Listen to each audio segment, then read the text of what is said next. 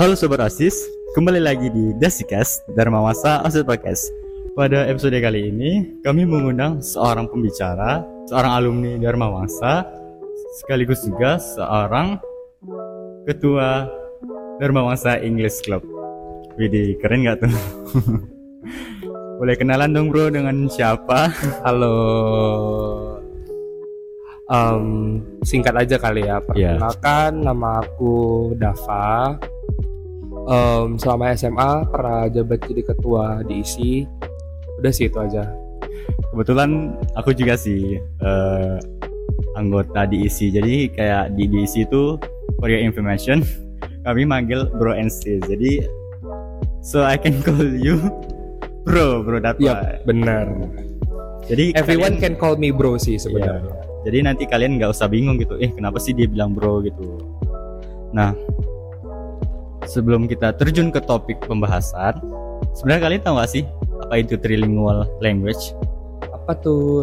Oke, jadi trilingual language itu orang yang menguasai tiga bahasa, tiga bahasa asing sih.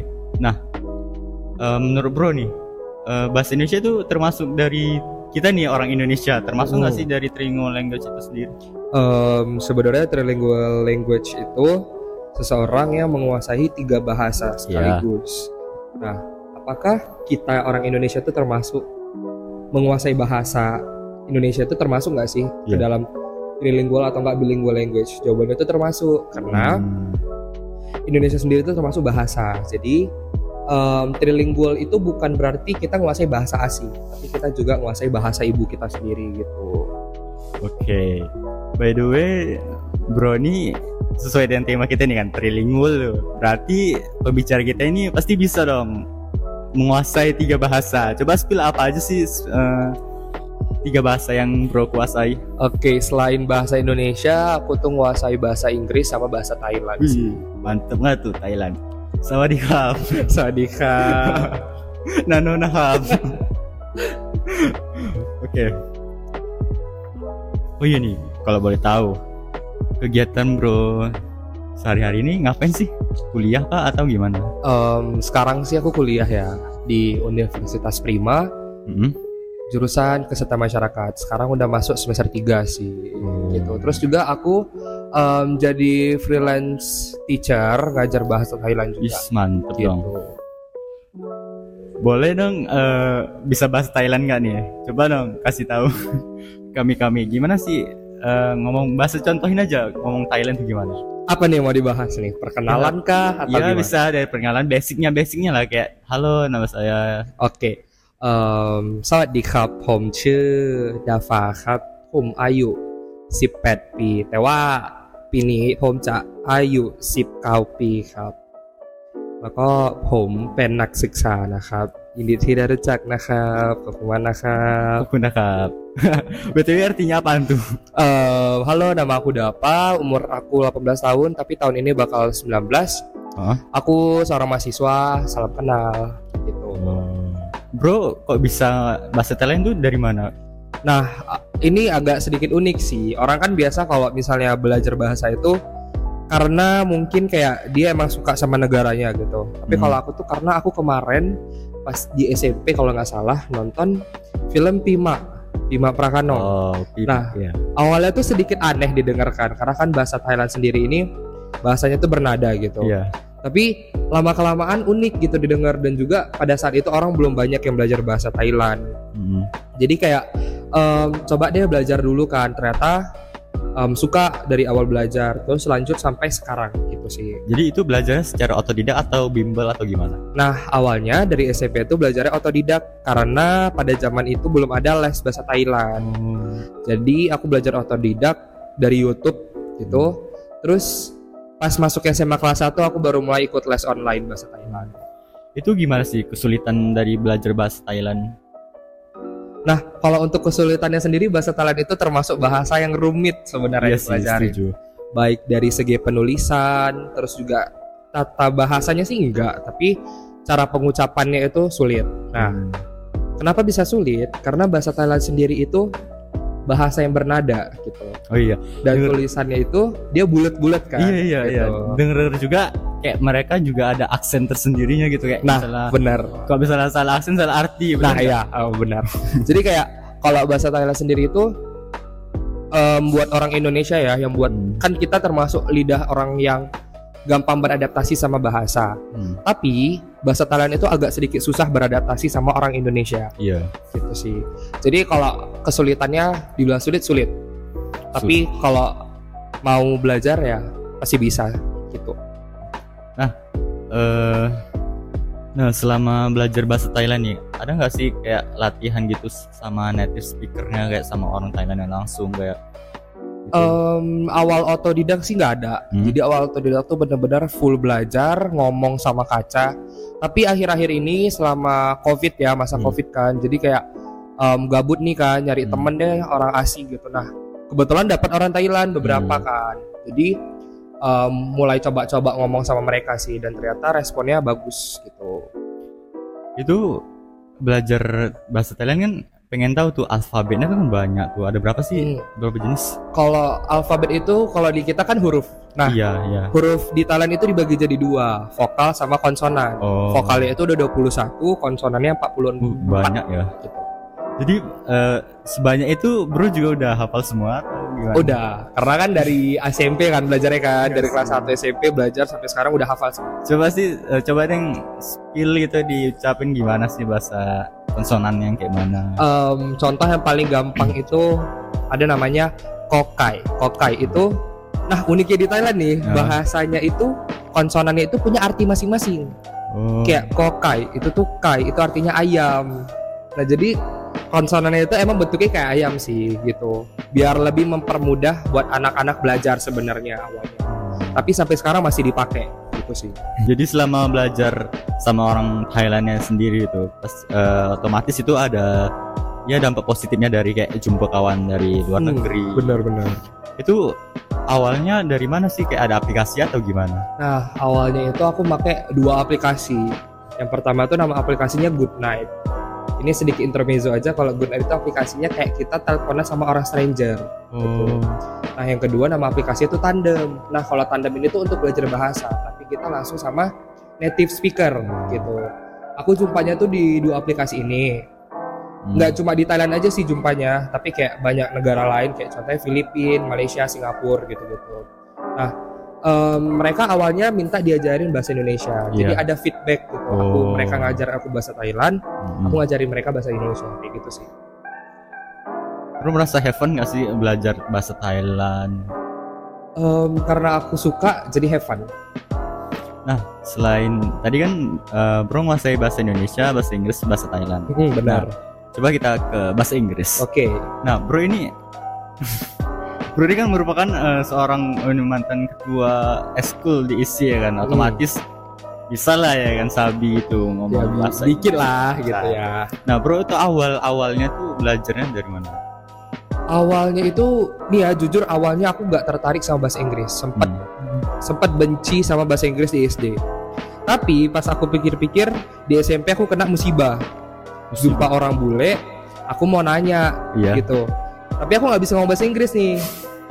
Jadi kayak aku sendiri ya kan yang ngerasa ternyata bahasa Inggris sepenting itu gitu loh buat ngobrol sama orang internasional gitu. Bahkan Iya, kan bahasa setuju. Inggris sendiri aja jadi bahasa internasional Iya, sekarang benar. Nah, ternyata sepenting itu bahasa Inggris. Jadi mulai dari SMP aku coba-coba belajar. Aku belajar nggak dari sekolah. Jadi dari sekolah tuh cuma- formalitas belajar bahasa Inggris. Hmm. Aku belajar tuh dari film. Film yang sering aku tonton itu biasanya film kartun sih, kartun yang pakai bahasa Inggris. Contoh kayak SpongeBob. Kan kalau Hmm. SpongeBob di di TV kan kayak Iya. bahasa Indonesia, Bahasa Indonesia, kan. Nah, aku nontonnya itu pakai bahasa Inggrisnya gitu. Karena lebih mudah dipahami kalau dari karton belajarnya. Itu bukannya gimana apa? Selama secara ini secara otodidak nggak sih, Bro? Otodidak. Otodidak. Nah, bukannya eh, selama otodidak itu mengalami kesulitan gak sih Kalau Kayak untuk butuh. bahasa Inggris kesulitannya paling di grammar ya. grammar? Kayak kan di bahasa Inggris itu kayak dibolak-balik kan bahasanya. Nah, paling di situ doang sih susahnya. Tapi selebihnya enggak. Gitu sih. Kalau dibandingi dengan bahasa Inggris dengan bahasa Thailand, menurut Bro nih, lebih susahan Thailand atau bahasa Inggris? Secara pengucapan lebih susah Thailand, tapi secara grammar lebih susah di bahasa Inggris.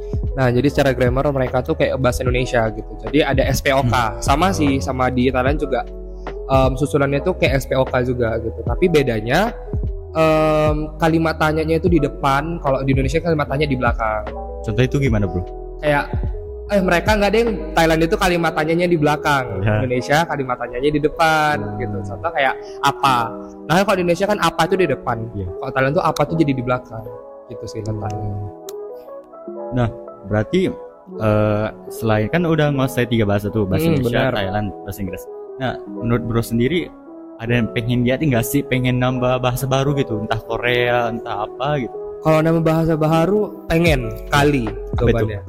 Karena aku pengen tuh belajar Filipin, Tagalog, terus Vietnam sama Mandarin. Hmm. Tapi Mandarin ini kayak aku mikir kayak ntar aja deh gitu kan. Mandarin? ganti pengen ke Korea. Iya. Gitu. Jadi empat bahasa ini sih yang pengen aku pelajarin Hmm. dulu. Gitu sih. Motivasi apa sih yang bro tanamin itu di dalam diri kayak eh, untuk bisa menguasai tiga bahasa itu? Motivasi yang ada dalam diri bro tuh apa? Sebenarnya karena aku emang anaknya suka belajar bahasa sih. Mm-mm. Karena bahasa tuh menurut aku kayak em, ibarat kalau misalnya aku banyak uang gitu, aku Iya. keluar negeri, aku nggak perlu pakai bahasa internasional gitu. Setidaknya aku bisa dapat harga murah di sana. Oh, gitu iya, kan. iya. Itu sih sebenarnya karena kalau aku pikir-pikir bahasa itu penting karena biar untuk memperluas relasi juga kan. Aku buktinya sekarang itu udah banyak teman dari luar negeri gitu. Yang mana tuh bikin aku ngerasa lebih terbuka pandangan aku sama orang-orang di luar sana gitu sih.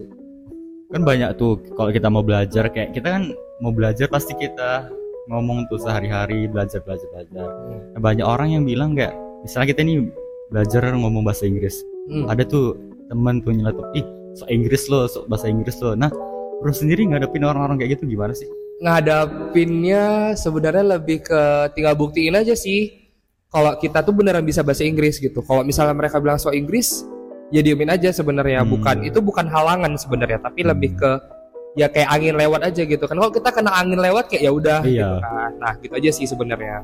itu sempat bikin bro down gak sih untuk ah eh, jadi pengen males belajar lagi gitu Enggak sama sekali. Bahkan aku pernah diajak kayak ngapain sih bang apa belajar bahasa Thailand, ngapain Iya. belajar bahasa Inggris kan itu nggak digunain Iya. gitu kan. Ternyata orang yang ngejak aku kayak gitu tuh malah perlu aku gitu, perlu aku manggil aku untuk belajar bahasa asing gitu sih. Jadi kayak lebih ke tinggal buktiin aja ke orang-orang kalau bahasa itu bahasa asing itu penting gitu. keren sih bro bisa bahasa tiga bahasa apalagi Thailand yang ya cukup bilang sulit sih Hmm. dipelajari Bener bener. Boleh dong dikasih tahu sih eh, dikasih tahu tips-tips eh, untuk kita bisa belajar gitu dan konsisten dalam belajar tiga minimal dua bahasa lah Oke. Kalau tips yang pertama sukain dulu bahasanya. Hmm. karena ibarat kayak kita nih ah pengen lah coba-coba jadi bilingual gitu kan atau enggak jadi trilingual tapi kita nggak suka sama bahasanya Iya. sama aja kita kayak terpaksa kan Mm-mm. ibaratnya gitu nah yang kedua itu tuh belajarnya itu di bawah asik di bawah di bawah have fun gitu. Kalau aku sendiri tipe orang yang belajar lebih suka sambil main. Hmm. kayak atau enggak sambil nonton sih biasanya kan aku juga emang suka hobi nonton kan. Jadi aku sambil nonton juga biasanya kalau belajar bahasa. Nah itu tuh bikin aku ngerasa kayak ternyata bahasa itu nggak sesulit itu dipelajarin gitu. Nah yang ketiga tipsnya itu em, perbanyak teman dari negaranya Iya. gitu. Misal nih mau belajar bahasa Korea cari teman yang dari asalnya Korea gitu. Atau enggak cari teman ngobrol. Karena ibarat percuma kita belajar bahasa kita nggak ada teman ngobrol bahasanya. Itu yang ada kita mendem di diri sendiri. Itu bikin kayak em, kita tuh nggak berkembang di ke depannya gitu. Itu sih konsisten dalam belajar bahasa. Sebenarnya sama aja kayak konsisten dalam belajar apa pun. Jadi intinya tuh harus ada target yang mau dicapai gitu. Apakah targetnya itu hanya hanya sekedar bisa ngomong sehari-hari atau enggak emang bisa ngomong em, level level atas gitu. Jadi itu sih eh, cara konsistennya seperti itu. Bro pernah nggak merasa kayak di suatu waktu kayak ih lagi males nih belajar bahasa Thailand kayak kayak secara secara secara personal kayak lagi mager gitu pernah nggak? sering sih kalau misalnya belajar bahkan nggak cuma di belajar bahasa aja ya belajar tentang di kuliah pun aku juga ada rasa magernya namanya manusia kan Iya. gitu nah em, biasa aku ngatasinnya gini kalau misalnya aku lagi mager aku catat dulu apa yang mau aku pelajarin gitu Nah itu aku bakal uh, lakuin di besoknya. Hmm. Di besoknya itu aku bakal bahas yang materi yang aku pelajarin. Jadi kayak gitu sih. Jadi kayak Biar kekejar kan gitu. Iya. Ya aku juga pernah gitu belajar bahasa Korea, pengen belajar bahasa Korea. Jadi kayak selama sehari itu kayak saat waktu pertama kali excited gitu kan, seneng banget ya bahasa Hmm. belajar bahasa Korea di YouTube dan segala dan sebagai macam. Tapi di besok besok harinya kayak mager aja gitu karena Hmm. eh, apalagi secara mandiri itu kayak sulit nggak semudah itu nggak semudah dibayangin belajar bahasa Korea. Jadi ya gitu. Sebenarnya sih ada satu cara. Caranya Gimana itu kan aku juga pernah otodidak nih belajarnya. Iya. Aku tuh dulu kayak ngerasa bosen gitu. Iya. Karena ya dia cuma satu arah nih. Nah, aku pura-pura kayak di interview sama orang gitu, tapi pakai bahasa asingnya gitu kan. Nah, di situ aku ngerasa kayak bisa aku improve improve lagi gitu loh. Lebih ke ngomong sama kaca aja sih. Jadi kalau misalnya lagi bosen nih kan em, belajar bahasa itu berarti kita, em, kita nih belum nemu em, titik enaknya belajar bahasa ini tuh di mana gitu makanya dicari-cari aja misalnya kayak belajar sambil nyanyi atau nggak sambil nonton filmnya dibedah-bedah satu-satu itu pun bisa kayak gitu sih Nah, jadi gitu Sobat Asis. Eh, tips dan tips-tips gimana kita itu konsisten eh, belajar dalam menguasai tiga bahasa, minimal dua bahasa. hmm, Nah, ini kita pengen bahas tapi ini agak out of topic ya. Bro Oke. kita ini merupakan eh, seorang duta pelajar anti narkoba. Nah, itu gimana sih eh, ceritanya bisa masuk DPAN gitu? Oke, nah awalnya itu sebenarnya dari keisengan ya. Mm-mm. Awalnya tuh iseng karena temen aku juga em, dia em, anak DPAN tahun 2019 gitu. Nah, dia ngenalin aku DPAN, ngenalin ke teman-teman yang lain. Karena teman-teman yang lain ikut, aku jadi Hmm. ikut. Jadi Oh. ibaratnya kayak aku tuh ngikut temen daftarnya. Nah, aku nggak expect bakal bisa lolos sampai ke tahap wawancara sebenarnya kan pas awal di bakat nih aku tuh bakat bahkan eh, bikin bakatnya itu storytelling pakai tiga bahasa Indonesia, Inggris sama Thailand. Nah pas di wawancara aku juga nampilin bakat itu, tapi aku juga nampilin dance di bakat itu. Aku nggak expect juga bakal lolos sampai ke final Hmm. dan ternyata di final itu juga ada em, di cut off juga yang sisa-sisanya. Iya. Terus aku masuk nih ke grand finalnya ke Iya. acara puncak. Nah, di situ aku baru kayak ternyata aku punya bakat juga ya Iya. gitu. Gitu sih. Nah, otomatis kalau kita misalnya mau masuk jadi duta-duta gitu, Hmm. otomatis kita punya tuh skill public speaking yang bagus, apalagi eh, bicara di depan orang. Nah, itu gimana sih menurut Bro Nah, eh, cara kita belajar gitu? aku tuh dulu orangnya nggak suka banyak cakap, nggak suka, Hmm. eh, iya nggak suka banyak cakap sama orang lain, bahkan sama publik itu aku nggak Iya. suka. Semenjak aku ini intermezzo dikit karena aku masuk di ISI sih awalnya. Jadi gini, Hmm. di ISI itu sendiri kan punya divisi namanya um, speech dulu Iya. ya. Nah di speech itu aku masuk em, awalnya tuh aku nggak berani ngomong sama sekali di depan umum. Pas aku diajarin, ternyata public speaking itu merupakan soft skill yang udah dimiliki sama semua orang sebenarnya. Hmm. Tapi tergantung diri mereka sendiri gimana cara pembawaannya gitu kan. Ada orang yang ngerasa kayak public speakingnya nggak bagus gitu. Ada juga yang ngerasa kayak nggak punya skill public speaking. Padahal di diri mereka tuh ada, cuma mereka nggak mau ngasahnya aja gitu. Nah, aku karena dapat kesempatan di ekskul ini, aku asah terus-terusan. Jadinya sekarang banyak cakap orangnya gitu. Oh, jadi eh, ngomong-ngomong Bro ini on seorang introvert nggak sih? Nggak introvert tapi aku emang agak males cakap aja dulunya. Sekarang udah nggak sih. Jadi gitu. Hmm, benar. Nah, jadi itulah eh, pembicaraan mengenai gimana sih eh, menguasai tiga bahasa asing dari pembicara kita ini dan juga sedikit inter- eh, sedikit eh, intermezzo mengenai pembicara kita ini yang punya pengalaman dalam duta-dutaan yang sangat dibilang ya cukup berprestasi lah. Seorang beliau seorang duta dan menguasai tiga bahasa itu sangat keren sih menurut aku sendiri ya. nah sekian pembahasan kita kali ini di episode ke-8 jadi semoga dengan pembahasan kita pada episode ke-8 ini dapat memotivasi kalian dan mengimprove eh, public speaking yang telah diberi diberi tips sama Bro Dapa dan tips-tips juga gimana secara konsisten dalam menguasai bahasa bahasa asing. Nah, sekian. Terima kasih. Well, see you on the next episode. Bye. Bye.